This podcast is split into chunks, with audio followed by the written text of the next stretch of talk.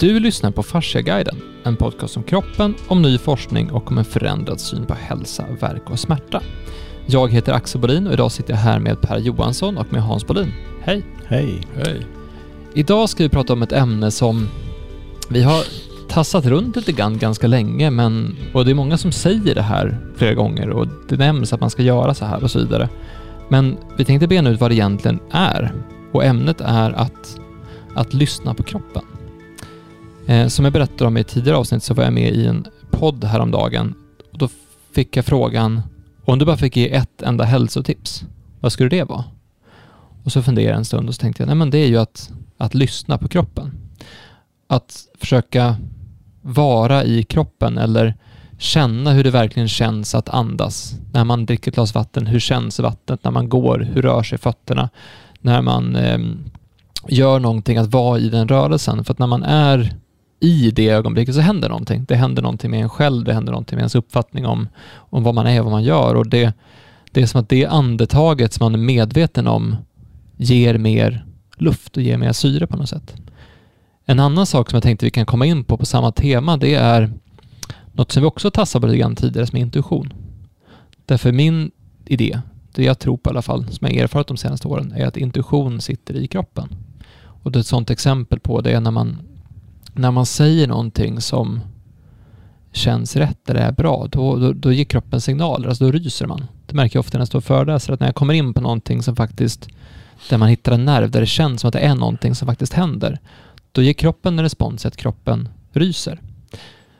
Så funderingen här är, kan det vara så att kroppen faktiskt skickar oss signaler som gör att vi kan göra saker på ett annat sätt? Och inte bara att, att lyssna på kroppen inte bara är något, något flummigt eller något påstående, något som någon säger, utan att det faktiskt är så att vi kan lyssna på kroppen. Så det tänkte jag vi skulle prata om idag, vad det är att lyssna på kroppen. Och då har vi två perspektiv här som är intressanta, så vi kan börja med Hans. Du, du börjar ju, du pratar ju ofta med dina patienter om att de ska lyssna på kroppen när du behandlar dem. Mm. Och Per, du har ju funderat mycket på vad det här med kroppen och erfarenhet faktiskt är. Så att, eh, vem, vill, vem vill börja? Jag kan, jag kan bara börja med att säga apropå, eh, du sa liksom i förbifarten där att eh, det är inte alls flummigt att lyssna på kroppen. Jag, jag, skulle vilja säga att det är svårt att tänka sig något oflummigare än att, att förnimma sin egen mm. kropp. Det, det är den mest direkta erfarenhet man har överhuvudtaget egentligen. På ett sätt har man nästan mera direkt, direkt erfarenhet av kroppsliga förnimmelser än, än av, av vad man tänker.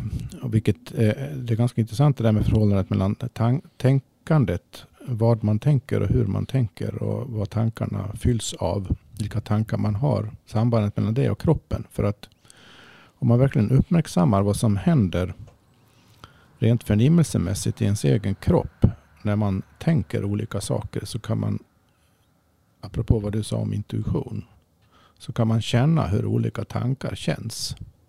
Mm. Och man kan då märka hur, hur det egentligen inte all, överhuvudtaget går att separera i, i verkligheten. Och då kommer man in på emotioner också. Emotioner, kroppsliga förnimmelser och tankar, det där är tre aspekter av samma helhet. Det går egentligen inte att, att skilja på dem.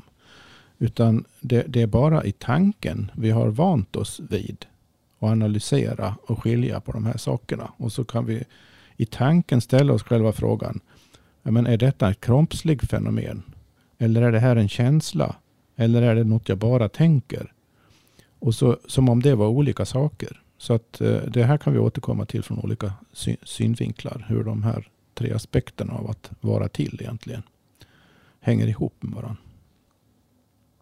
Jag tycker att känna efter det är ju jag tror att vi kanske tränade inte göra det utan att koppla bort att känna efter ganska tidigt. Eh, jag tror att det man, när jag börjar med, det är ju annorlunda att, att vara alltså i näringslivet som jag var från början för då, eh, då försökte jag mer förstå hur folk tänkte och alltså, hur funkar det egentligen och vilka är snabba och inte snabba och hur, vad, hur tänker man egentligen för att det ska bli rätt? Eller hur ska man förstå saker och ting? Eh, och Ehm, då kunde man ju förnimma, alltså känna efter att här är det bråk. Alltså det, man kunde känna att det var makro, att det var bråk i organisationen, att det fanns saker och ting som inte var okej okay, och man kunde man kunde se att det fanns typ, och det var, jag har svårt att förstå det från början, att det fanns eh, att man jobbar i samma bolag fast ändå krigar man. Det är lite konstigt att förstå det men, men, men så naiv var jag. Jag trodde att man jobbade åt samma håll. Det gör man inte. För det gjorde man egentligen i, i, i, i hockey, alltså i fotboll, ishockey och allting så är ju lagmoral väldigt viktigt. Det är inte alls lika viktigt i stora företag kan jag säga. Och det var för mig en liten chock. Eh, sen när man då, så det är en sak och det är, det, jag fick ju, jag tror jag tog upp någon, något, någon av de första poddarna, en, en karl som jag träffade var så fruktansvärt snabb i skallen. Och jag försökte förstå, alltså, hur kan du tänka så fort? Så, hur går det? Hur kan du ta in så mycket information? Nej, man gör inte så, sa han. Man känner först och tänker sen. Jaha, är det så enkelt?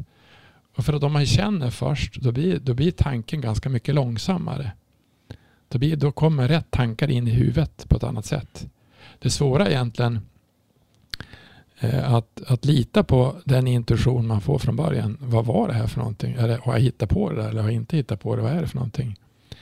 Det luriga sen när man bara kom till, när, vi, när jag började på, ja, bara som kiropraktorlärling, det jag berättade från början, då var det ju då är det två saker. Det ena ska du se folk som kommer in och sen ska du se vad de tar med sig.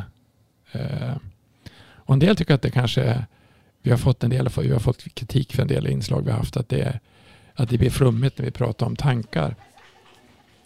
Eh, men, och det som man är med om, men det är som du säger Per, det är ju långt ifrån flummigt. Det är ju otroligt konkret. Men där någon kommer in och, och man ser hur de ser ut. Och då kan de se rätt okej ut faktiskt. Jag hade en sån som kom för mig någon par veckor sedan. Men han var så fruktansvärt förvirrad. Alltså, karn var rak, men han var förvirrad. Och hur, hur behandlar hur, om, man, om, man, om man får fram det att kroppen är rätt okej okay, men du är förvirrad. Eh, det kan ju ifrån ett, ja, ett västerländskt eh, eh, basmedicinskt eller eh, skolmedicinskt koncept låta totalt flummigt. Men det är fruktansvärt konkret. Ehm, så det lurar egentligen när man ska börja eh, känna efter det är, tycker jag i alla fall när jag börjar med det, det är att man eh, det var, har jag hittat på det där? Alltså, vad, är det, vad är det här för tokiga idéer som kommer i huvudet? Vad är det för någonting som är, kan det vara så där tokigt? Och det är egentligen det som är lurigt, att man egentligen tror jag att vi har den där gåvan med oss som barn, att vi är jättebra på att se saker och ting och känna saker och ting. Sen är det precis som att det är för mycket brus, man måste nästan stänga av där om man ska överleva överhuvudtaget. Um, och det kan det vara ett, ett problem med att, att, att använda kroppen som vad kan man kalla det för något, stämgaffel eller känselspröt. Uh, för jag tror att det, det är nog så egentligen mycket mer vi är skapta att vara. Istället för att vara på flykt. Ja, det, det, är ju svårt alltså också. För att jag tror man kan utgå från som, som en sorts grund grundinsikt här att kroppen reagerar hela tiden på allting. Mm. Utanför och innanför. Mm. Och eftersom det både utanför och innanför försiggår så många olika saker. Och om alla de sakerna då ger upphov till kroppsliga, eh, ja, låt oss kalla det förnimmelser då.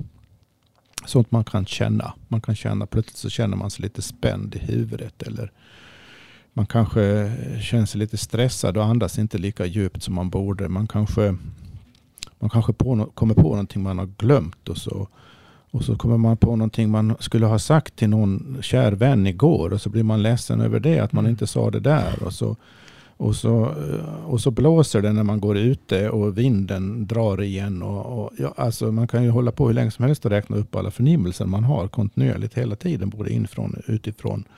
Så grundfrågan blir väl egentligen hur man ska sortera och urskilja i all den där röran. För man behöver ju, om man, om man ska lära sig någonting av sina egna förnimmelser, av sina egna reaktioner, då måste man ha någon sorts prioriteringsordning. Mm. Man måste fokusera på uh, saker i, i termer av det viktigaste först och det mindre viktiga sen. Men även där blir det ju svårt för att det, det, om man är otränad i detta så är det inte säkert att man förstår ens vad som är viktigt. Mm. Så, så eh, om jag bara kastar fram det just, just nu då. Jag har väl vissa svar på hur man kan tänka här. Men jag skulle vilja höra, höra hur ni ser på det där prioriteringsfrågan. I och med att det är så mycket som försiggår hela tiden. Så det är ganska intressant för man, vi hamnar ganska lätt i ett utifrån in-perspektiv här. Vi pratar oftast om vad som påverkar kroppen Mm. i termer av, nu tog du upp som exempel vind och tankar och känslor. Alltså saker som, saker som händer som sen påverkar kroppen. Och det är ju mycket av det vi har tagit upp i våra program. Alltså, Men det är ju inte ett utifrån. Om dina känslor, upplevelser till exempel, är ju inte ett utifrån. Nej, men det var det jag tänkte komma till. För om du tar, alltså, nu, nu kan vi prata om till exempel, en, en sak vi pratat om tidigare, det kan vara till exempel omgivningens eh, vaguston. Att du får en, när alla har en, en puls i vagusnerven som då speglar sig i rummet och fortplantar sig så kan ett rum bli harmoniskt eller ett rum bli stressfyllt. Alltså, omgivningen kan speglas av det där så. Och Eh, när någonting händer dig så kan du reagera känslomässigt. Och när du ser någonting så kan du få en tankeloop som börjar snurra. Men om vi tar ämnet att lyssna på kroppen, då funderar jag på om det kanske snarare är så att man ska se vilka signaler skickar kroppen till mig snarare än hur reagerar jag på saker som påverkar kroppen? Om man tänker på ett inifrån ut-perspektiv. Som jag tog exemplet där till exempel, att om jag, om jag är inne på någonting som känns spännande eller så, så ryser jag. Alltså om, om jag gör någonting som är åt rätt håll, då kan jag rysa. Eller om jag eh, har under en lång period stressat väldigt mycket, då kan man börja känna hur kroppen börjar säga ifrån. Eller om jag inte riktigt är i tipptopp och blir utsatt för ett eh, eh virusangrepp, då kommer jag till exempel bli sjuk. Alltså att det finns vissa signaler som, för ni, ni vet ju redan när man blir sjuk, alltså blir man sjuk och så kommer man på att alltså jag kände faktiskt av det här för fyra, fem dagar sedan. Hade jag bara tagit det lugnt då, då hade jag förmodligen inte blivit sjuk. Mm. Och vissa gånger så känner man att nu är, jag, nu är det på väg att bli lite hängigt här, så nu måste jag ta det lugnt, eller nu måste jag se till att få frisk luft, eller få solljus, eller ta vitaminer, eller slappna av, eller göra någonting sånt där. Alltså det finns signaler som kroppen skickar till en som säger nu borde du tänka så här istället, nu borde du göra så här istället. Och det är den, jag tänker så här, finns det någonting det känns som att vi har varit inne så mycket på att vi har pratat om hur kroppen reagerar på vad vi utsätter den för. Men vad kan vi lära oss av kroppen? För där Mm. tror jag att kroppen, jag tror att kroppen skickar oss väldigt mycket signaler. Men där har, där har du ju början till svar på det jag undrade. Hur, hur, hur du och Axel, eller vad säger Hans tänker på det. Nämligen här med prioriteringsordningen. För att om du är ovan att lyssna på kroppens signaler av den karaktär som du just ringade in. Då kan det vara svårt att skilja på till exempel den där känslan av att man håller på att bli sjuk långt i förväg innan man egentligen känner att man Mm. håller på att bli sjuk. Alltså det är en ganska subtil förnimmelse på ett sätt i första stadiet. Hur, hur urskiljer jag att den känslan innebär att nej, men nu måste jag ta det lugnt här. Varva ner. Göra någonting. Eh, ja. Hur urskiljer man den känslan från att man eh, eh, ja, kanske känner sig orolig, vilket sätter sig också i kroppen över någon arbetsuppgift som man eh, eh behöver lösa inom en viss tid. Alltså, det, det, man, i, I praktiken hamnar man ju alltid i de där situationerna då, då man, det är därför jag använder ordet prioritering. Man behöver, för att lära sig lyssna på kroppen och svara an på dess signaler så måste man man måste vikta sina förnimmelser. Mm. Men, jag, tror så, jag tror att det som är en sak som jag har försökt fundera på, vad som kan vara svårt. Eh, om, om fascia är ett sensory organ, alltså vi, det är det största organ som finns för att känna saker och ting. Om, om, den, om vi också reagerar på stress, så om, om, vi säger att, om vi säger att jag är stressad så kommer kroppen att vara spänd. Det vill säga att mitt, min förmåga att ta in saker och ting är sämre. Därför att jag är bedövad. Så är det ytterligare en svårighet i sammanhanget. Så att jag tror att en sak som är eh, det luriga i det här det är att jag tror att om man ska lära känna kroppen och lära känna efter så måste man hitta en, en, en, en, en omgivning som är lugn. Du måste hitta en, alltså omgivning, det behöver inte vara lugn, men det måste vara lugnt inuti dig när du är där du är.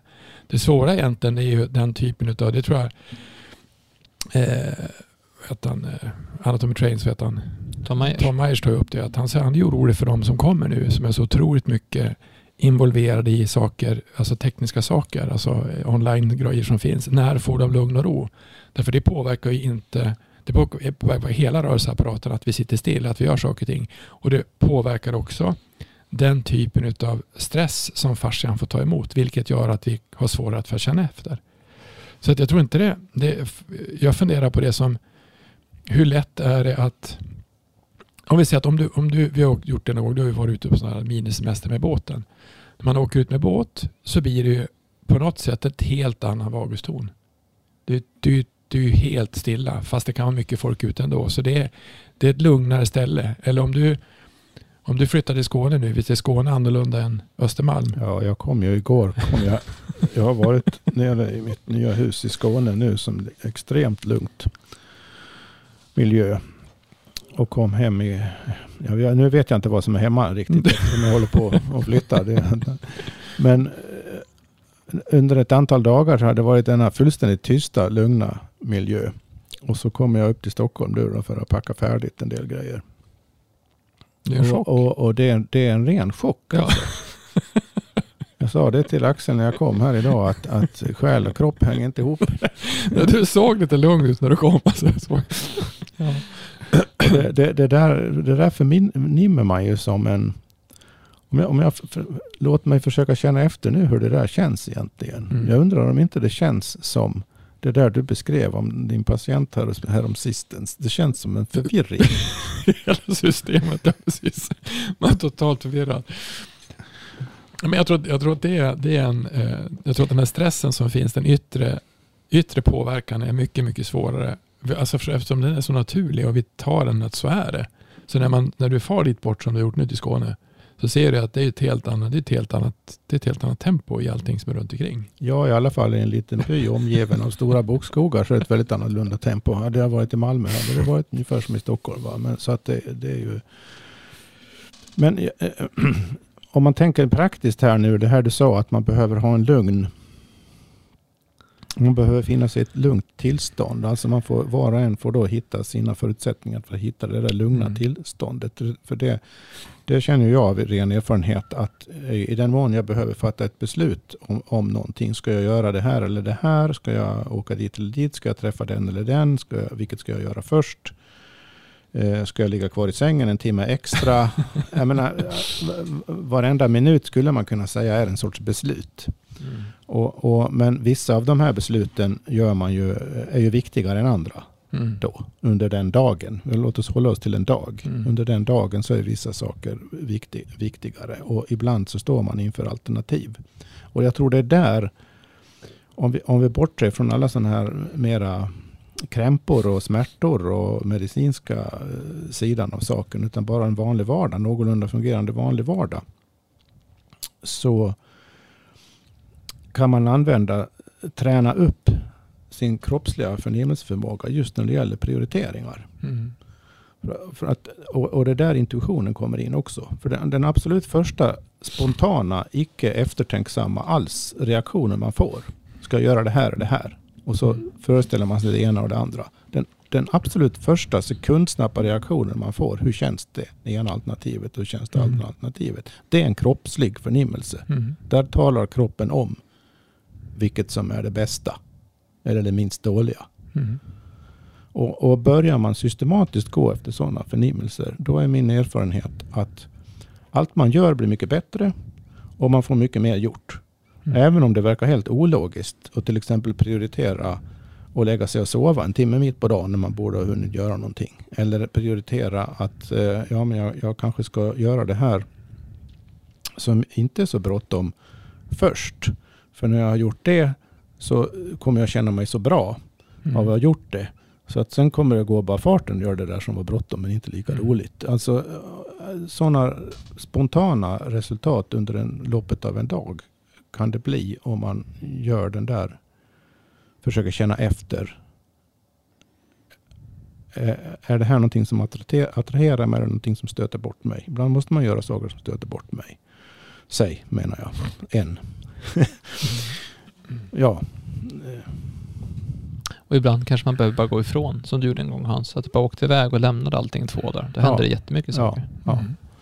Men jag tror att, om vi ska säga så här då. Eh, vi pratade mycket om vad en kropp är för någonting Mm. tidigare. Och vad det innebär att känna och sådana saker. Eh, kroppen är ju väldigt, väldigt gammal. Eller hur?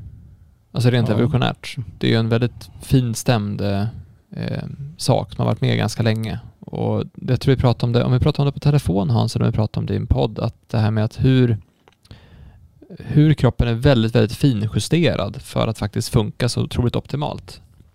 Vi pratade om det med alla, alla, allt som ska vara i balans hela tiden. Alltså allt ifrån pH-värde till hur flödet ska fungera i kroppen, till hur saker ska ske, till immunförsvaret, till tarmsystem. Alltså allting är så otroligt invecklat. Så skulle vi för en stund förstå allting som sker i vår kropp just nu så ska vi smälla av av överbelastning för det är så mycket system som är igång samtidigt. Det är så mycket avancerade processer.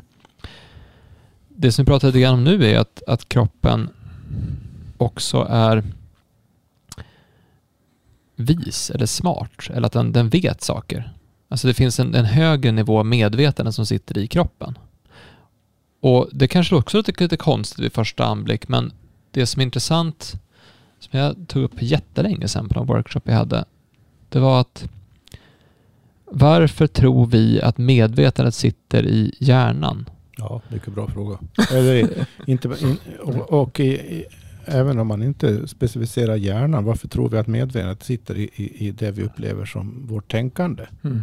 Och vår, Ja. före, vår mentala föreställning. Varför Mm. tror vi att det är det som är medvetandet? För det som du ser på alla människor som till exempel ja, men behandlar då, manuella terapeuter, men även folk som spelar piano. Eller folk som, alltså ta, som, då- folk som spelar dataspel och är riktigt duktiga med en kontroll eller tangentbord. Eh, folk som spelar instrument. Alltså det sitter otroligt mycket känsla och motorik och intelligens i händerna. Och bara förmågan att känna någonting, Mm. förmågan att smaka, lukta. Alltså det, intelligens sitter över hela kroppen. Det häftiga är ju att fascian förklarar ju det här eftersom att fascian är det här sammanhängande flödet som finns överallt som vi pratade om i för två avsnitt sedan och att, och att nervsystemet finns här, alla signaler finns här, cellmigrän finns här, allting, allting som säger åt kroppen vad allting ska göra finns där. Men även alla, allt som vi inte är medvetna om. Vi pratar om att det finns en medvetenhet och så pratar man om att det finns en undermedvetenhet. Men i västerländsk tradition så har man ju någonstans flyttat bort det här från kroppen. Och det som vi sa i ett program tidigare, ja men var skulle det annars sitta då om det inte sitter i kroppen? Mm. Och det intressanta med är att både mot medvetna och mot undermedvetna och allt vi någonsin har varit med om i termer av minnen och upplevelser sitter i vår kropp någonstans. Som tänk att det är lagrat som i en som ett jättestort bibliotek så finns det här lagrat. Då finns ju extremt mycket kunskap i vår kropp. Och sen så finns det ju de som hävdar då, och det är omdebatterat det här med att, eh, att vattnet också, eh, det är inte omdebatterat att vattnet lagrar minne, det är en, det är en, det är en fysisk, fysisk grundbult, så är det bara. Men vad det innebär, att Mm. vattnet faktiskt har varit i andra kroppar och andra miljöer och andra system också. Mm. Så att i vår kropp skulle det kunna finnas otroligt mycket kunskap. Så att Men i det- vår kropp finns mycket medvetenhet. Jag är med om det, så jag tror, det sa jag i något program som var ganska märkligt och det är att jag tror att någonstans så finns det någon, någon speciell struktur i oss som vi ska vara. Alltså vi ska, det är meningen att vi ska göra någonting. Kanske inte meningen så att det är alltid utstakat så det finns. Men, men jag tror inte jag skulle bli civil- civilekonom egentligen. Men jag vart det. Att, för det var det som, jag, jag gjorde det bara helt enkelt. Men när jag började, den första som jag behandlade överhuvudtaget fick jag enorma resultat med. Utan att jag kunde någonting alls. Så då, då måste, och det, det, det, det var precis som jag sa innan, att det, det är lite konstigt när man, när man går på intuition och så sen så kommer det någonting och så ska man göra någonting och så hittar man någonting. Och så har man egentligen som från början kunde jag ingenting alls. Hur kan det komma sig att jag kan fast jag inte kan? Och det finns det ju, alltså om du tar sådana här jätteduktiga människor som har ja, musiker eller alla som har en talang som de bara är födda med, som de bara råkar ha, som det, det bara är där. Och jag tror att den talangen är nog mycket, mera, mycket mer individuell hos många människor än vad vi tror. Men att vi inte känner efter och följer den vägen eller den, den stigen som man ska gå. Eh, för jag tror att det, jag tror att precis som, som jag sa till dig från början när jag ringde dig första gången Per, att jag tror att kroppen är inte arvsynd utan mera en dynamisk, fantastisk levande organism som vi har råkat hamna i. Eller som, alltså, som vi råkar vara i. Ja, men- Och som egentligen vill, vill vara helt närvarande med den vi egentligen är. Men Ja, det, det är definitivt min uppfattning också. Jag, min- grunduppfattning liksom om verklighetens natur, om vi talar kropp då, och själ och kropp och så vidare, det är att kroppen manifesterar bokstavligen ens själ. mm, Så, så det, att lyssna på kroppen på rätt sätt, så som du är inne på nu Hans, mm, det, det innebär att man följer sin inre natur, sin inre karaktär. Och det är den, det är den som via kroppen reagerar på vad, vad, vad man gör, vad man vill, vad man hindras, eh, även yttre omständigheter. Det är, det, det är den, ens inre karaktär som eh, reagerar antingen avståndstagande eller attrahera, att blir attraherad av olika saker. Och det, och det känns i kroppen därför att kroppen manifesterar mm. ens inre. Och det, det är nyckeln. Det är, där, det, det är därför det inte går att skilja det ena, ena från det andra. Så att, att lyssna på kroppen betyder inte att man inte att alla de andra sakerna som emotioner och viljor och ambitioner och, och skönhetsupplevelser och allt sånt där som man brukar inte säga är direkt kroppsligt. Det, det försvinner ju inte. Det är snarare att det är exakt just de sakerna som yttrar sig i den kroppsliga existensen. Och det är därför kroppen reagerar så som den gör. Och sen finns det en lång historia bakom hur kroppen, utvecklingshistoria bakom hur kroppen fungerar. Rent fysiologiskt. Och den som du är inne på Axel, är en sorts gemensamt minne av årmiljoners erfarenheter också. Så, så, så, och det där, eh, så att vi har två sidor. Vi har en individuell sida kan man säga och vi har en gemensam sida. Mm. Men det hänger ihop. Det som är intressant som jag tycker, som du har ju varit med och gått utbildning Axel, det är ju när vi kör utbildningar, eller det fick jag vara med själv när jag började, att om kroppen är känslig och vi håller på och känner i kroppen, alltså jag tar i någon, man berör någon, så beröring är ju Beröring är ju det så att det kom, beröring påverkar en massa olika endorfinsystem, i, alltså saker i kroppen. Men det påverkar också den som känner efter. Och jag tror att vi hade, jag gjorde så någon gång när vi körde det här som du var med på Damanometern när vi körde tryckavlastning. Det var ju lättare för dig att känna, du kände mer än vad jag kände. Det är ganska intressant. Den som höll i kände mer än, än den som blir hållen. var, var, var hållen i. Och samma sak var du med på utbildning att det brukar komma en brukar väl komma när man är på utbildning att, att efter ett tag, vänta, det där lever ju. Alltså när man upptäcker att kroppen är levandes. Eller hur? Eh, och då blir det ju, oj vänta vad var det där för någonting, vad kände jag nu? För de har inte gjort det förut. De kanske bara stått och masserat på istället för att kolla vad skickar kroppen, vad är det för någonting som händer? Vad är, vad är det för drag i fascian nu? Vad är det som händer? Vad är det, som, och det var ju det jag började med att titta på. För det är så abstrakt. Att man, men egentligen är det inte. Det är otroligt konkret. Men det är precis som att eftersom de som vi utbildar oftast varit kroppsterapeuter och ändå får de en sån här wow, vad händer nu? Visst var det så när du gick kurs också Axel? För det brukar vara så efter ett par till gånger att de undrar vad, vad, vad händer nu för någonting? Jag tror att det är just den här biten, men som du säger, när man, när, när man förstår att kroppen är någonting mycket mer än det man är medveten om att Ja. den är. Alltså att, att kroppen faktiskt lever. Och det är som jag sa, att om, om, man, om man tittar på alla processer som är igång just nu i min kropp så är det otroligt mycket processer som sker utan att jag har någon aning om det. Alltså jag tror att det, det är väl något, man säger att det- man är medveten om 5% och sånt där, av vad- som händer i kroppen och sånt Så, sa vi inte det i något tidigare avsnitt? Att det är kroppen som har koll på allting. Ja.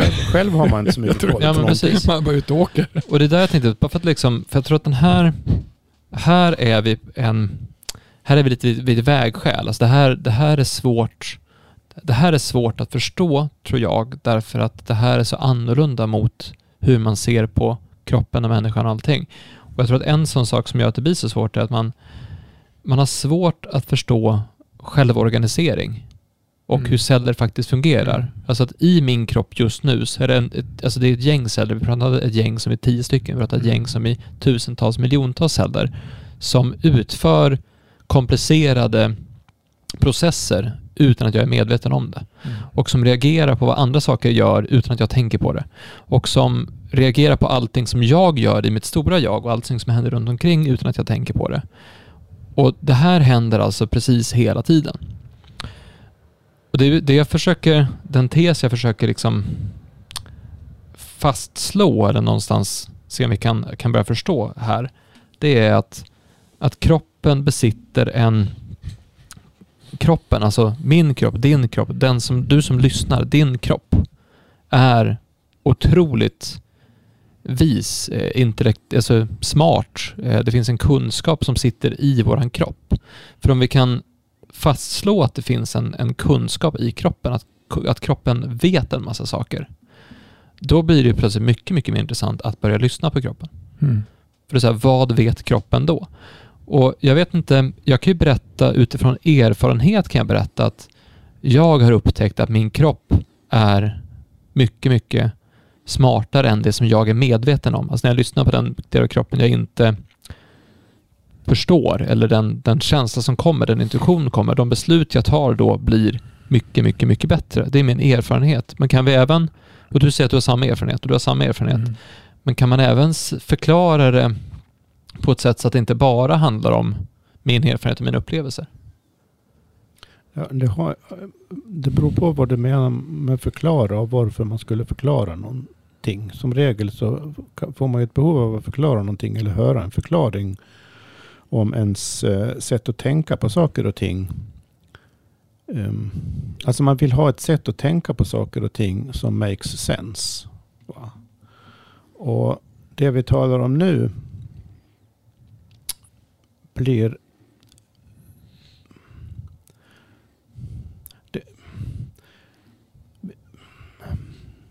Alltså vi har ju pratat så mycket om dessa förutfattade meningar om Mm. verklighetens natur och kroppens natur och vad är en, är en kropp. Va? Så alltså vi har, man kan i princip utgå från i varje enskilt fall, varenda, varenda människa man, man träffar eh, här i det moderna väst nu för tiden. Alltså skulle det finnas några undantag så mm, blir man ju fullständigt häpen. Mm. För att man kan utgå från att de allra flesta tänker helt fel om nästan allting. eh, inte, inte värre. När det gäller sådana här fundamentala Ja. saker. Jag Mm. menar naturligtvis inte att de tänker fel om Nej. allting som de kan och vet och håller på med. Mm. Naturligtvis inte. Utan jag menar just sådana här grundläggande antaganden om verkligheten. Och vad, vad är en kropp? Vad är själen? Vad är, tänk, Mm. vad är tänkande? Hur hänger de här sakerna ihop? Då har vi fått lära oss att eh, det, det medvetandet är någon, någon sorts inre upplevelse och kroppen någon sorts yttre existens. Och det, det- de, det finns liksom ingen riktig teori för etablerad teori i olika vetenskaper för hur man egentligen ska förklara det, hur det där hänger ihop. Men min, min modell är att helt enkelt strunta i, i det och börja med att känna efter bara och lära sig av sin egen erfarenhet. Att lita till sin egen erfarenhet. För att om man inte, om man inte själv börjar med att känna efter och lita till sin egen erfarenhet och följa sin egen intuition och verkligen gör det. Då har, du, då har man ärligt talat ingen riktig grund för att tänka själv Nej, men det, på det, någonting. men det är det som jag menade, som du säger, att de flesta är Och, och, då- och, och då, då, då är det bättre liksom att lära sig att tänka, tänka själv på sina, utifrån sina egna erfarenheter först. Och sen, sen om man är liksom lite mer intellektuell så kan man försöka få ihop det på något annat förklaringsvis. Men utan den där grunden att känna efter hur det känns när det känns rätt. Och de där rysningarna du talade om, alla möjliga andra saker som man faktiskt kan förnimma hur tydligt som helst. Och agera utifrån dem. Om man inte gö- gör det konsekvent själv så har man liksom ingen riktig erfarenhetsgrund för att tänka mera avancerat om det heller, mera filosofiskt om det heller. Filosofin, tänkandet, teorierna måste grunda sig i just den sortens erfarenheter. Mm. För annars vet man inte vad man pratar om. Då bara, då bara teoretiserar man och hittar på någonting. Mm. Så vägen framåt här egentligen är att sluta försöka förstå intellektuellt och börja uppleva i kroppen. Ja, kräv ingen förklaring först. Gör. Det, det är ju som om, om, man, om du skulle lära dig spela ett instrument, du skulle lära dig bygga ett hus, du skulle lära dig snickra, du skulle lära dig hyvla, du skulle lära dig vad, vad, vad du än skulle lära dig praktiskt. Så då kan du ju inte börja med att kräva av att ja, men jag vill ha en förklaring till varför det blir så här, varför det fungerar. Men, va, va, hur kan det komma sig att jag kan lära mig spela piano? Du måste förklara det först. Annars Exakt. tänker jag inte börja spela piano. Jag Men menar, det är ju absurt. Men jag tror så här, det som, är, det som är vägen, som jag sa för att börja med stress, det är att eh, man kan ha mönster som man har gått in i som är så präglade, så starka så att det är svårt att känna efter. Alltså du har, du har gett in i saker och ting som inte du ska göra överhuvudtaget. Du lever i en relation som du inte ska göra överhuvudtaget. Du lever i en relation med dig själv som du ska göra överhuvudtaget. Då blir det väldigt svårt att känna efter för då är hela, då är hela systemet hijackat av något annat konstigt. Och då, jag tror nästan det som, alltså jag tror det hade någon som, det var ju henne mer konstigt, men det är nästan så att man skulle, en del människor är nästan besatta utav sin eget, sitt eget ego. Jag, hade en, jag har haft någon, alltså ibland är det ganska enkelt att behandla folk och ibland är det jättesvårt att behandla folk. Det kom en kvinna till mig som hade, hon kom hit och så var, hon satt och grät på en hon gjorde. Sen berättade hon att det var saker som hade hänt. Och det hon gick egentligen, hon gick tillbaka till, hon var mer i min ålder, hon gick tillbaka till, hon vart barn igen. Och hon vart, hon hade varit utsatt för att inte blivit lyssnad till och, och blivit arg och, och kny, knip ihop näven och gått sin egen väg. Och när jag försökte förklara det för henne att det är färdigt, du behöver inte jag, du kan gå en annan väg som din väg, inte knyta ihop näven och gå den här vägen. Då, kroppen ville ju det, hon ville inte det. Alltså huvudet, alltså egot vill inte det. Så det var nästan, därför blir det så konstigt att förnimmelse, det som egentligen är intuition, det bygger ju på att jag har en, en, en kropp som är i balans. Alltså som i alla fall vill ta in saker, som vill, alltså jag lyssnar på kroppen. Men om jag säger så att om jag är fatalist, alltså jag är precis som jag kan vara, om du tar, man är politisk fanatiker eller man är någonting. Så har man ju idéer, man har ju tro, men det är så här. Det är inte säkert, alltså, det går inte att ta in saker och ting för tron är så stark. Så att man kan inte förnimma, man kan inte göra saker. Och jag tycker att det är många, eller som du sa att de flesta människor, vad sa du, att de flesta människor har ingen aning om, vad sa du för någonting? Ja, men ja, man tänker när det gäller det här förhållandet mellan ens egen, eh, mellan tänkande, det vi kallar medvetande och kroppen och så vidare. Där, där har vi ju fått lära oss i princip att tänka fel. Utan Ja, att ja. Vi, vi, har, vi, vi, förstår inte ens att vi tänker fel. Och ett, ett av de där grundläggande tankefelen är det där jag, jag, jag, jag sa nyss och som Mm. du på ett sätt och vis är inne på också nu Hans. Nämligen att man har fått för sig att man behöver ha en förklaring för att tro på någonting. Ja. Eller för att göra någonting. Mm. Och, och i en sån där situation där man har fastnat i sitt ego finns bara en lösning på det. Och det är, och, för att det är egot som vill ha en förklaring till exempel också. Mm. Mm. Och, och, och bevisa för mig att det fungerar, annars så tror jag inte på det ungefär. Om man hårdrar det lite grann. Eh, Det finns bara ett väg ut ur det och det är att återigen bara göra det. Mm. Och ibland så kan man, då om man är riktigt fast i någonting, kan man kanske inte förmå sig själv till det. Mm.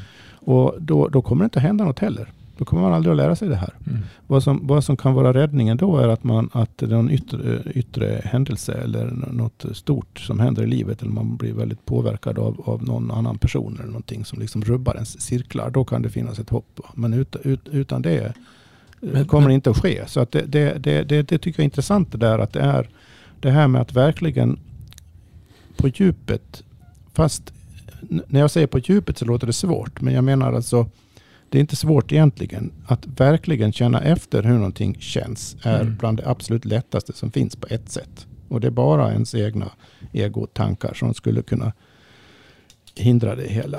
Det, det, det, det, jag bara upprepar, det enda sättet att hamna där, det är att bara göra det. Mm. Och det är ingen skillnad när det gäller det, för det är en praktisk färdighet vi talar om här nu, en, Mm. förmåga. Mm. Och det är ingen skillnad på den förmågan och alla andra förmågor. Om du vill lära dig segla så får du ju sätta dig i en båt och Ja. lära dig och, och, och hur det, vad som händer när du drar i olika saker i, i, i, i seglen. Ja. Du kan ju liksom inte... Ja, det är så Det är uppenbart. Ja. Ja, men då, då tror jag vi har en... eh, Då har vi kommit till en punkt här. När vi kan börja prata på riktigt om man säger så. Eh, Nej men... Så det som egentligen... Jag tror det som är gemensamt för oss tre när vi sitter här. Det är att vi har ju sökt en förklaring. Någonstans. Ju. Men i sökandet efter en förklaring så har man insett att det här är så fruktansvärt stort och så svårt och så komplext och så överväldigande så att det går typ inte att hitta en förklaring. Och då kommer man ju till att nej men det här får man, nu får man vara ödmjuk och säga så att jag är inte, jag är ännu inte i alla fall tillräckligt vis och förstående för att kunna förstå min egen kropp. Det är så mycket i min kropp som jag inte kan förstå. Jag måste vara ödmjuk här inför att jag, mitt ego måste ödmjukas. Jag måste ner och förstå att min kropp faktiskt är mycket mer komplex än vad jag hade kunnat drömma om. För det är vad jag upptäckt när jag läst Förstått kroppen. Så därifrån så kan man säga så här, ah, shit, vad häftigt. Och då blir det så här, att lyssna på kroppen. Mm. Varför ska man göra det? Jo, då sitter vi, vi tre personer här som har sökt en förklaring, som har tvingats ödmjukats, som har börjat tro på kroppen på ett helt annat sätt och en, få en annan förståelse för vad kroppen faktiskt är och vad kroppen skulle kunna vara. Och när vi har börjat lyssna på kroppen så har det hänt saker. Det har hänt saker med oss själva, med våra liv, med vårt vedmete, med vår, vår förmåga att hantera stress och oro, med framtidstro, med hur vi är mot andra människor, med hur vi är som personer, hur trygg, alltså att man är trygg till exempel, att man, man inte man känner inget behov av att hävda sig till exempel. Alltså det, finns en annan, det finns mycket saker som kommer av att lyssna på kroppen. Så att är man då intresserad av det här, vilket man kanske är då om man har lyssnat på 40 minuter av det här avsnittet, då kan vi börja prata om, om vad som händer när man lyssnar på kroppen och hur man gör för att börja lyssna på kroppen. Och Det här är ju en, en, en eh, individuell resa i hur man gör och vad som händer. Men jag kan berätta lite konkret hur jag själv har gjort och hur jag gör. Eh, och den ena första punkten är för att kunna lyssna på kroppen så behöver jag vara i ett tillstånd där jag kan lyssna på kroppen. Och det behöver inte vara att jag sitter i ett lugnt rum. Det kan, jag kan göra det mitt i ett extremt flöde. Alltså det kan vara mitt i en föreläsning, det kan vara mitt på, i en hektisk arbetsdag, det kan vara platsen och miljön spelar inte lika stor roll. Men det är ett tillstånd där jag känner att jag är i, i kontakt. Du kom in på här och sa att din själ och kropp hänger inte ihop. Men när själen och kroppen hänger ihop, när man är i kontakt med någonting, när man känner att det finns ett flöde och då känner man nästan som att det finns en, det är nästan som en våg i kroppen. Alltså det, det, det händer saker. Det, det, det är som ett, ett hjul eller som snurrar en eld som brinner. Det är liksom, det är en, man känner, oh shit, man känner sig nästan lite oövervinnerlig på ett sätt. Det, I fotboll så pratar man om att det finns ett, ehm, ett, ett sånt momentum. Eh, eh, I annat fall pratar man flöde. Man pratar om att man är i ett tillstånd där det händer saker. Så då har vi att vara i det tillståndet, det är då det händer någonting så. Hur hamnar man i det tillståndet då? Och då till exempel igår så, igår kväll så, igår kväll och kväll, igår vid typ sjutiden, så var jag fruktansvärt trött. Sen så här, varför är jag så trött för? Vad märkligt det här är. Det, det, det signalerar att jag är trött. Jaha. Och så skulle min fru gå ut med hunden och så skulle jag liksom bara, jag tror jag har sätter mig i soffan typ. Så men nej, jag ska också gå ut med hunden. Nu ska jag också gå ut och gå. Och att gå ut och gå är en sån sak som kan förändra tillstånd i kroppen. Mm. Därför att kroppen vill röra på sig och så inser jag att vänta, jag har inte gått ut med hunden idag. För jag gör ju det varje dag, flera gånger per dag. Men just på måndagar gör jag det inte. Därför då lämnar jag ifrån mig hunden och dottern så att jag kan jobba istället. Men jag får inte promenaden. Och det är intressant hur en fysisk aktivitet kan vara en sån sak som sätter dig i ett sånt tillstånd. Och då signalerar ju faktiskt kroppen egentligen till mig, jag är trött. Men då vet jag att det är inte för att jag inte har sovit, för jag har sovit. Det är någonting annat. Om jag då rör på mig, vad händer då? Och då sover jag mycket bättre sen på natten. Det andra är att vara medveten om vilket rum man är i. För samma kväll så när vi skulle gå och sova så har vi gjort, vi har gjort vårt sovrum till en, en lugn och harmonisk plats. Så det är mörkt, det är stilla. Nu när vår dotter sover så är det en sån white noise-vågljud som bara går så. Det är vågor som... Det känns som att man ligger på en havskust liksom. Otroligt mysigt. Och så kolsvart och det finns inga mobiler så det finns inga störningsmoment. Eh, men igår fanns det det. Så när det fanns ett störningsmoment i rummet som inte egentligen skulle vara där, då reagerade hela min kropp. Så jag var alltså total, total stressad. Det här är inte min stress, det är jättekonstigt. Och så började jag prata om, om vad, egentligen vad man tar med sig in i ett rum. Alltså tar man med sig stress in i ett rum så kan det också påverka förmågan att vara, eh, att vara i flöde eller att, att vara i ett tillstånd av, av läkande. Och då är det ju samma sak, då skickar kroppen en signal. Men då tar det ett tag att förstå den signalen kroppen skickar och det tar ett tag att förstå hur man ska förklara det för någon annan. Mm. Så det är två exempel på när man dels är i flöde, tre exempel. Dels är i flöde, dels som är trött och går ut och rör sig för att få igång kroppen och få flödet att börja rulla. Och dels när det är en störning som, som kroppen signalerar om att det här är inte bra. Det här är någonting som är tokigt. Då har du, det är tre olika fall som egentligen alla är olika. Mm. Eh, så vi kan väl börja där. Mm. Jag tycker väl att det där med att, att lyssna på kroppen, det kan ju vara... Det är ju, när, man, när man är terapeut, så får man, när man jobbar med folk, så får man göra det för då använder man kroppen som eh, instrument att lyssna på andra. Det kan vara nästan lättare att lyssna på andra än se vad man är med om själv faktiskt. Eh, det som är lite intressant tycker jag, det är att vi kan ju vara med om saker och ting fast vi inte riktigt reflekterar över vad det som händer. Alltså, jag tror att det man är med om egentligen är att om egot är för stort eller med för mycket saker så kommer kroppen att hitta på saker och ting så att du får ett hörna. Till slut så är det, måste du, det är precis som att li, livet ger en en, en törn. Mm. Det, det är bom på så bång. Och, för, och när man brukar kolla på det så det, man brukar inte ha fått en smäll, man brukar ha fått 14 smällar innan man förstår att det, jaha vänta, så ska jag inte göra. Det är ganska intressant. Jag var förra helgen var och det var som intressant hur dum man kan vara. Alltså hur dum jag är. Jag var, jag var och spelade golf i Norge. En sån här eh, hickory-tävling. Och så här med Lotta var med, min fru var med. Eh, och när man spelar tävling så spelar man ju för att vinna, eller hur? Och så sen så, och jag hade då på mig ett klädesplagg som egentligen är specialsytt för mig. Som egentligen att det, det gäller att bygga min, att, eh, att växa, bygga min väg. Att, att gå min egen väg. Jättesnyggt så här hickorybyxor och allting så.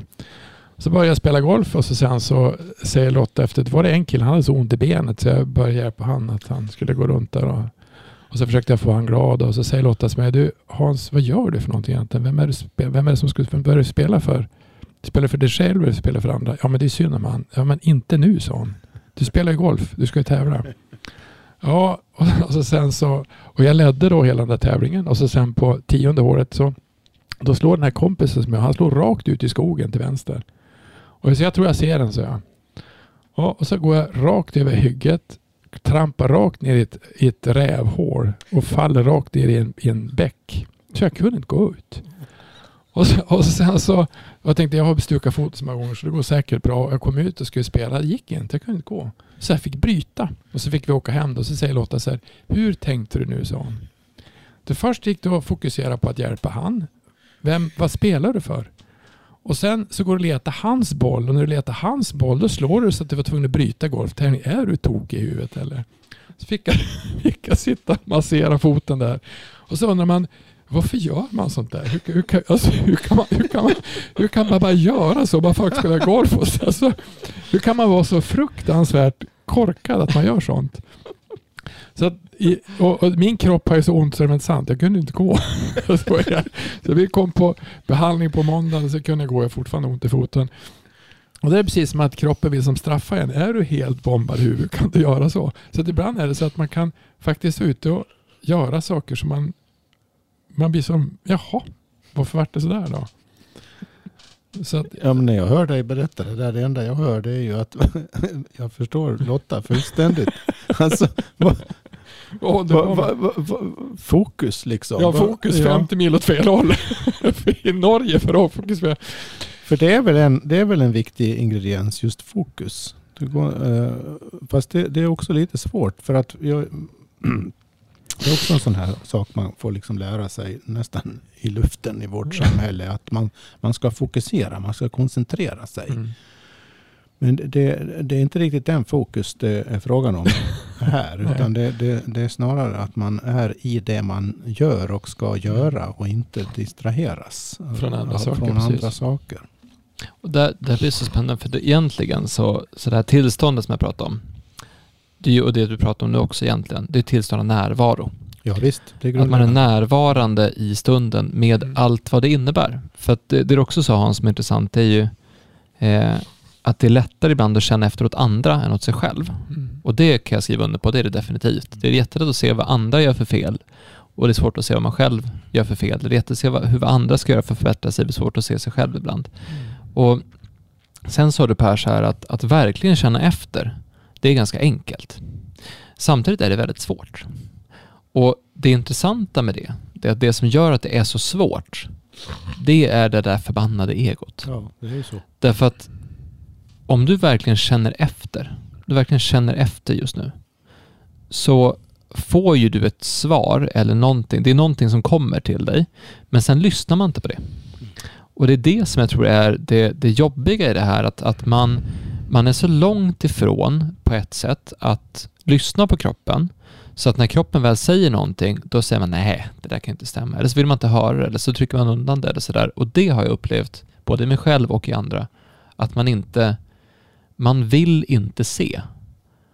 Och det är ju, vi också prata om, om eh, en situation som är runt omkring med en person som, som är, eh, alltså det, hon, hon bara hon bara gör så mycket konstiga saker. Bara förstör för sig själv. Det, är liksom, det, det blir bara värre och värre och värre och värre och värre. Och hon sätter sig själv i en värre och värre och värre situation också. Och alla runt omkring henne drabbas av det. Det blir värre och värre och värre. Men man fortsätter ändå för att, att erkänna att man har gjort fel. Alltså jag har en annan berättelse om en, en bekant som, han råkade ut för en person som, han ljög i två och ett halvt år. För att inte vilja erkänna någonting som han gjorde. För han gjorde ett fel i två månader och istället för att erkänna att han gjorde fel i två månader så ljög han för 50 personer, ett helt bolag i två och ett halvt år. Det är ett helt bolag i konkurs. Tappade bort 15 miljoner. För att han, han, han ljög hellre i två och ett halvt år än att erkänna att han hade fel. Vi, vi kan gå till sådana extrema längder för att inte behöva erkänna att vi, att vi gör fel. För vi är så rädda för att ha fel. Vi är så rädda för det. Jag, tror, jag, jag tycker det finns en annan röst som finns också i huvudet, då, som man ska ta rent där med att hela tiden gå rätt väg, att känna efter. Vilket tror jag tror är fruktansvärt svårt, men jag tror också det är kompromiss. Alltså man har en sån här, nej men så, alltså för den, den, den raka vägen, den enkla, alltså den, den svåra vägen är den första vägen, den som man får först. Men sen så börjar man, vänta vi kan göra så istället och så istället och så istället. Så jag tror den här jag hade en kvinna som jag behandlade så hon hade, hon hade kompromisserat sitt liv så du kan inte göra det längre, det går inte. Din kropp är så jädra less på det för att då blir man bara till lax.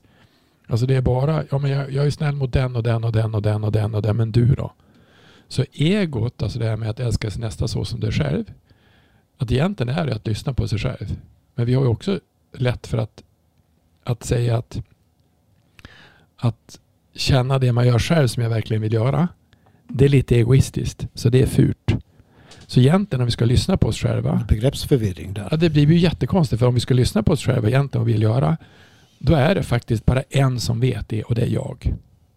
Men sen så har jag lärt mig att jag ska kompromissa och jag ska minsann inte göra det jag egentligen vill. Det är det som är kulturen, det som är så konstigt. Och det blir ju, det, det är ju så många som håller på med det där. Alltså som håller på med det här. Ja men vänta, inte jag, inte jag, inte jag. Det finns ju, det finns ju del som, som, som har så många saker som de ska göra före. Så att jag tror det med hunden och katten är före i kön. Om, om vem som de ska ta hand om. Och det blir ju ganska konstigt för kroppen. Vänta, är alla andra viktigare än du? Som när jag spelar golf nu så fick jag ett Han som till och med bröt efteråt. Han var viktigare för jag tyckte synd om han för att han hade ont. Men så Lotta, men du spelar golf, skit i han. Eller hur? Och det är klart att man ska göra det. Och det är klart att det var ju bättre att göra så. Det hade säkert gått jättebra om jag inte hade sprungit ut dit och gjort det där. Det Men det, det, det, är den där konstiga kompromissen. Den konstiga det där hänger ihop med att för, att för att kunna lyssna adekvat på kroppen och verkligen lära sig någonting av en, sin egen kropps signaler i de avseenden vi talar om här. Så måste man ju ta konsekvenserna av det. Det vill säga man måste lita på sin egen förnimmelse och stå, mm. stå för den. Mm. Det är det det mynnar ut i hela tiden. Och, och, och, det, som, det som verkar emot det är ju just sådana saker som du mm du, du, du sa. Vi har gett flera exempel på det. Så att det, det är kanske det är två sidor det här. Att lyssna, det, det, får man bara göra så att säga. Man behöver försätta sig i ett tillstånd där man faktiskt hör vad som signalerna, märker signalerna, känner signalerna. Det är den ena aspekten av det hela. Den andra aspekten är att man måste agera på signalerna. Mm. Man, och, och, det kan innebära att man till exempel vägrar att göra någonting i förhållande till någon annan. Eller att man går sin egen, mm. gör, gör, ett val som andra inte tycker om. Och, och, och, alla möjliga sådana saker. Det är den andra sidan. Och båda sidorna måste så att säga funka, synkas med varandra. Gör de inte det blir det fel, fel i alla fall. Så det, det räcker inte med lyssnandet. Man måste, agerandet måste Mm. följa. Mm. För att det är agerandet som så småningom gör det möjligt att skärpa lyssnandet mer och mer. För att det är bara i agerandet av det man förnimmer och konsekvenserna av det. Det är bara i själva agerandet som man lär sig nya saker och lär sig hur det verkligen fungerar och kommer in i en, ett visst typ av eh, sätt att vara och förhålla sig här, här i världen som genererar flow i vid mening. Mm. Så Men det- de båda det- sidorna är helt nöd, nödvändiga. Men det är ytterst konkret, precis som Per säger, som vi börjar med. Att, att känna och förnimma saker är ytterst konkret. Det, det var det när vi pratar om det i termer av fascia och kroppsbehandling och allting så blir det kanske lite mer abstrakt. Men om du tittar på eh, en, en, en, en musiker som ska spela det han tycker är bra eller en, alltså, alltså alla har ju någon, någon typ av, alltså om en fotbollsspelare är bra på att göra mål, då ska han ju vara där han gör mål. Man ska inte göra han till ytterback. Alltså det, det är ju dumt. Alltså, det, det, så att det är ju det som egentligen all typ av idrott eller prestation så försöker man, det här är du bra på, det ska du göra. Eh, det, men det är det som egentligen, det jag är bra på, det jag vill göra, det jag ska göra, inte tvärtom. Det är det kompromissen finns, att man, ja men inte jag och inte göra så. Och inte, jag tror att den är lika mycket som egot som är i vägen. Eh, och, och, Det är en form av ego det. ja, ja, ja, det är klart Egentligen. Ja, det är ju det man behöver inse. Ja. Alltså i vårt allra första avsnitt av Farsaguiden Mm. så tog vi upp ganska tidigt upp en tråd. Och det är att eh, när man tittar på äldre idétraditioner, typ antiken till exempel, då var hur man blir en bättre människa, det var någonting som var en del av kroppssynen och människosynen. Att det var viktigt att man skulle utvecklas och förkovras som människa. Man skulle bli en bättre version av sig själv eller sådär. Men, men vi som samhälle idag, vi har snarare gjort ett... Vi har snarare tittat på hur samhället ska bli så bra som möjligt Mm. och inte på människorna i det. Och vi hade en diskussion, Per, om det här i ett, i ett annat avsnitt för, eh, för våra patrons till communityn. Eh, men alltså egentligen har byggt en yttervärld som tvingar människor att bli goda istället för att man, man, man hjälper människor att utvecklas. Och det här måste ju vara... Det här måste också vara en anledning till att det är så svårt att... Eller för det är så många som inte gör det. Alltså för man inte lyssnar. Alltså för det är någonstans, precis som du sa Hans, att det är, det är egoistiskt att utvecklas som människa. Mm.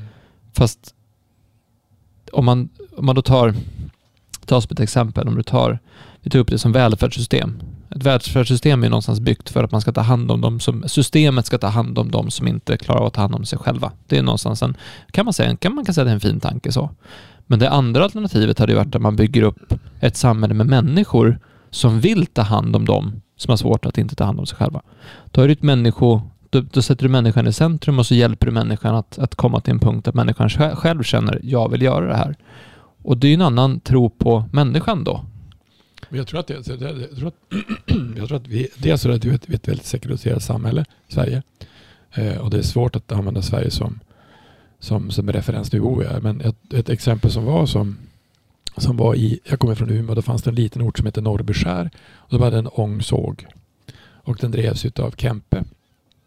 Och Kempe han anställde de bästa arbetarna som finns. Och han hade egen skola. Och det hade varit ett mönstersamhälle som var Alltså han, hade, han hade förmåner som inte egentligen fanns. För då fanns det ju mycket arbetare som helst. Det var inte brist på arbetskraft. Men hans, han ville att arbetarna skulle bo där. Han hade en del konstiga regler som var... Han ville inte ha fackförbund och sådana saker. Men man hade... Då gick det att familjerna höll ihop. De hade stora bostäder. Och det var en, en ångsåg som var ett mönstersamhälle. 1934 tror jag, eller om det är 32, så kvalar där Norrbyskär till allsvenskan i fotboll. Och Det som var intressant när man var på, när man var på Norrbyskär, det var att han som patron eller vad han var, det han hade, han hade en människosyn. Att de som jobbade hos han skulle ha utbildning, skulle kunna göra saker och ting. Så att han har ett helt annat system att se på vad, vad, ett, vad ett arbetslag var för någonting, hur, hur, hur ett samhälle skulle se ut. Men att, att, de, att de nästan höll på att komma upp i allsvenskan i fotboll och jag tror det bodde tusen pers där, det är helt makalöst. Och, men det är också ett sätt att se på hur, hur bygger man starka samhällen, hur bygger man starka individer? För det var individerna som var viktiga. I ett samhälle då individer var egentligen kanonmat, eller inte kanon, men, men alltså industrialismen från början så var ju arbetare, det var ju inte, de tog, var ju daglönare på ett annat sätt. Det var att byta folk på ett annat sätt. Så att jag tror att det är mer att titta på eh, människosyn och eller hur, vilket ansvar har individen egentligen. Och hur kan man bygga starka individer och hur kan man utveckla individer? Det är ett rätt häftigt exempel. Ja, samhället idag, så det vi kallar samhället idag är ju egentligen ett system av funktioner där olika jobb är olika funktioner som ska, människor ska uppfylla för att systemet ska fungera. Och så länge man fyller den funktionen, den jobbfunktionen, så är systemet nöjt. Mm. Men det, det finns i, i den konstruktionen av ett så kallat samhälle finns det ingen hänsyn tagen till individens egenheter eller individens viljor eller förmågor eller utvecklingsväg och så vidare. Utan eh, fyller man sin funktion så är alla nöjda och då fungerar välfärdssystem och allt möjligt annat fungerar som det ska. Sen kan det bli ont om pengar eller det kan bli felaktiga beslut eller det kan bli alla möjliga konstigheter som gör att systemet inte fungerar optimalt och det, det kan man bråka om som ju görs också. Mm. Men, men eh, eh, Eh, det, det, jag tror det är viktigt att förstå det där att det samhälle vi lever i i Sverige idag, i princip i västvärlden generellt och i stora delar av övriga världen också. Det, det, är, det är just ett systemsamhälle, inte ett människosamhälle. Mm. Och det är där jag någonstans tänker, jag vill ta upp den, den aspekten av det. När du nu ska börja lyssna på kroppen så är det bra att känna till att din omvärld inte är byggd för att du ska lyssna på kroppen. Nej, du kommer inte ha någonting stöd utifrån egentligen. Så att det blir, därför, det gör ju att om vi i vanliga fall så lyssnar, vi försöker lyssna på kroppen och så får vi ett svar och så kan vi ha svårt att tro på det svaret. Det blir ännu svårare att, att våga lita på det svaret när hela världen runt omkring säger lita inte på det svaret. Mm. Och det är där som, men om du vågar lita på det svaret, om du vågar lita på dig själv egentligen, lita på din egen kropp och lita på din intuition och din, din, den förnimmelse som du får, då kan det hända väldigt spännande saker.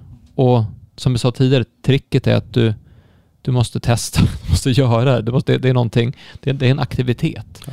När du känner efter så ska du, du får försöka känna vad du faktiskt känner. Och så tar man stegen därifrån.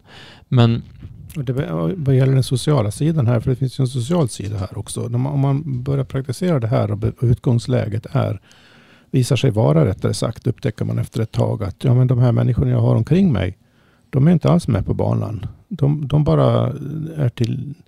De förstår inte, de, de, de är till hinder hela tiden. Och det där är ju väldigt olyckligt och, och tråkigt såklart. Men då kan man faktiskt hamna i den situationen också att man behöver faktiskt byta umgängeskrets. Mm. Man kanske till och med behöver byta familj. Alltså.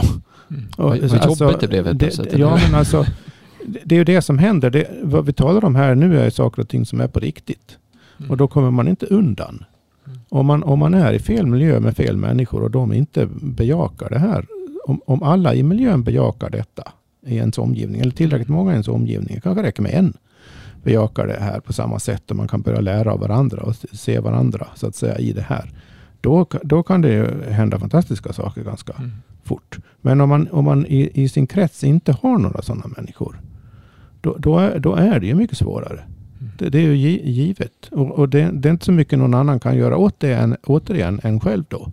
Mm. Så att man, då gäller det att söka sig nya, nya vänner helt enkelt. Mm. Och, och, kanske byta, byta miljö. Så att det, det, det, det är alla de här sakerna som vi har radat upp nu som gör det svårt. Va? Fast grunden är otroligt enkel. enkel. Men det är fruktansvärt svårt. Det är konsekvenserna som blir svåra. Inte själva saken i sig är inte svår.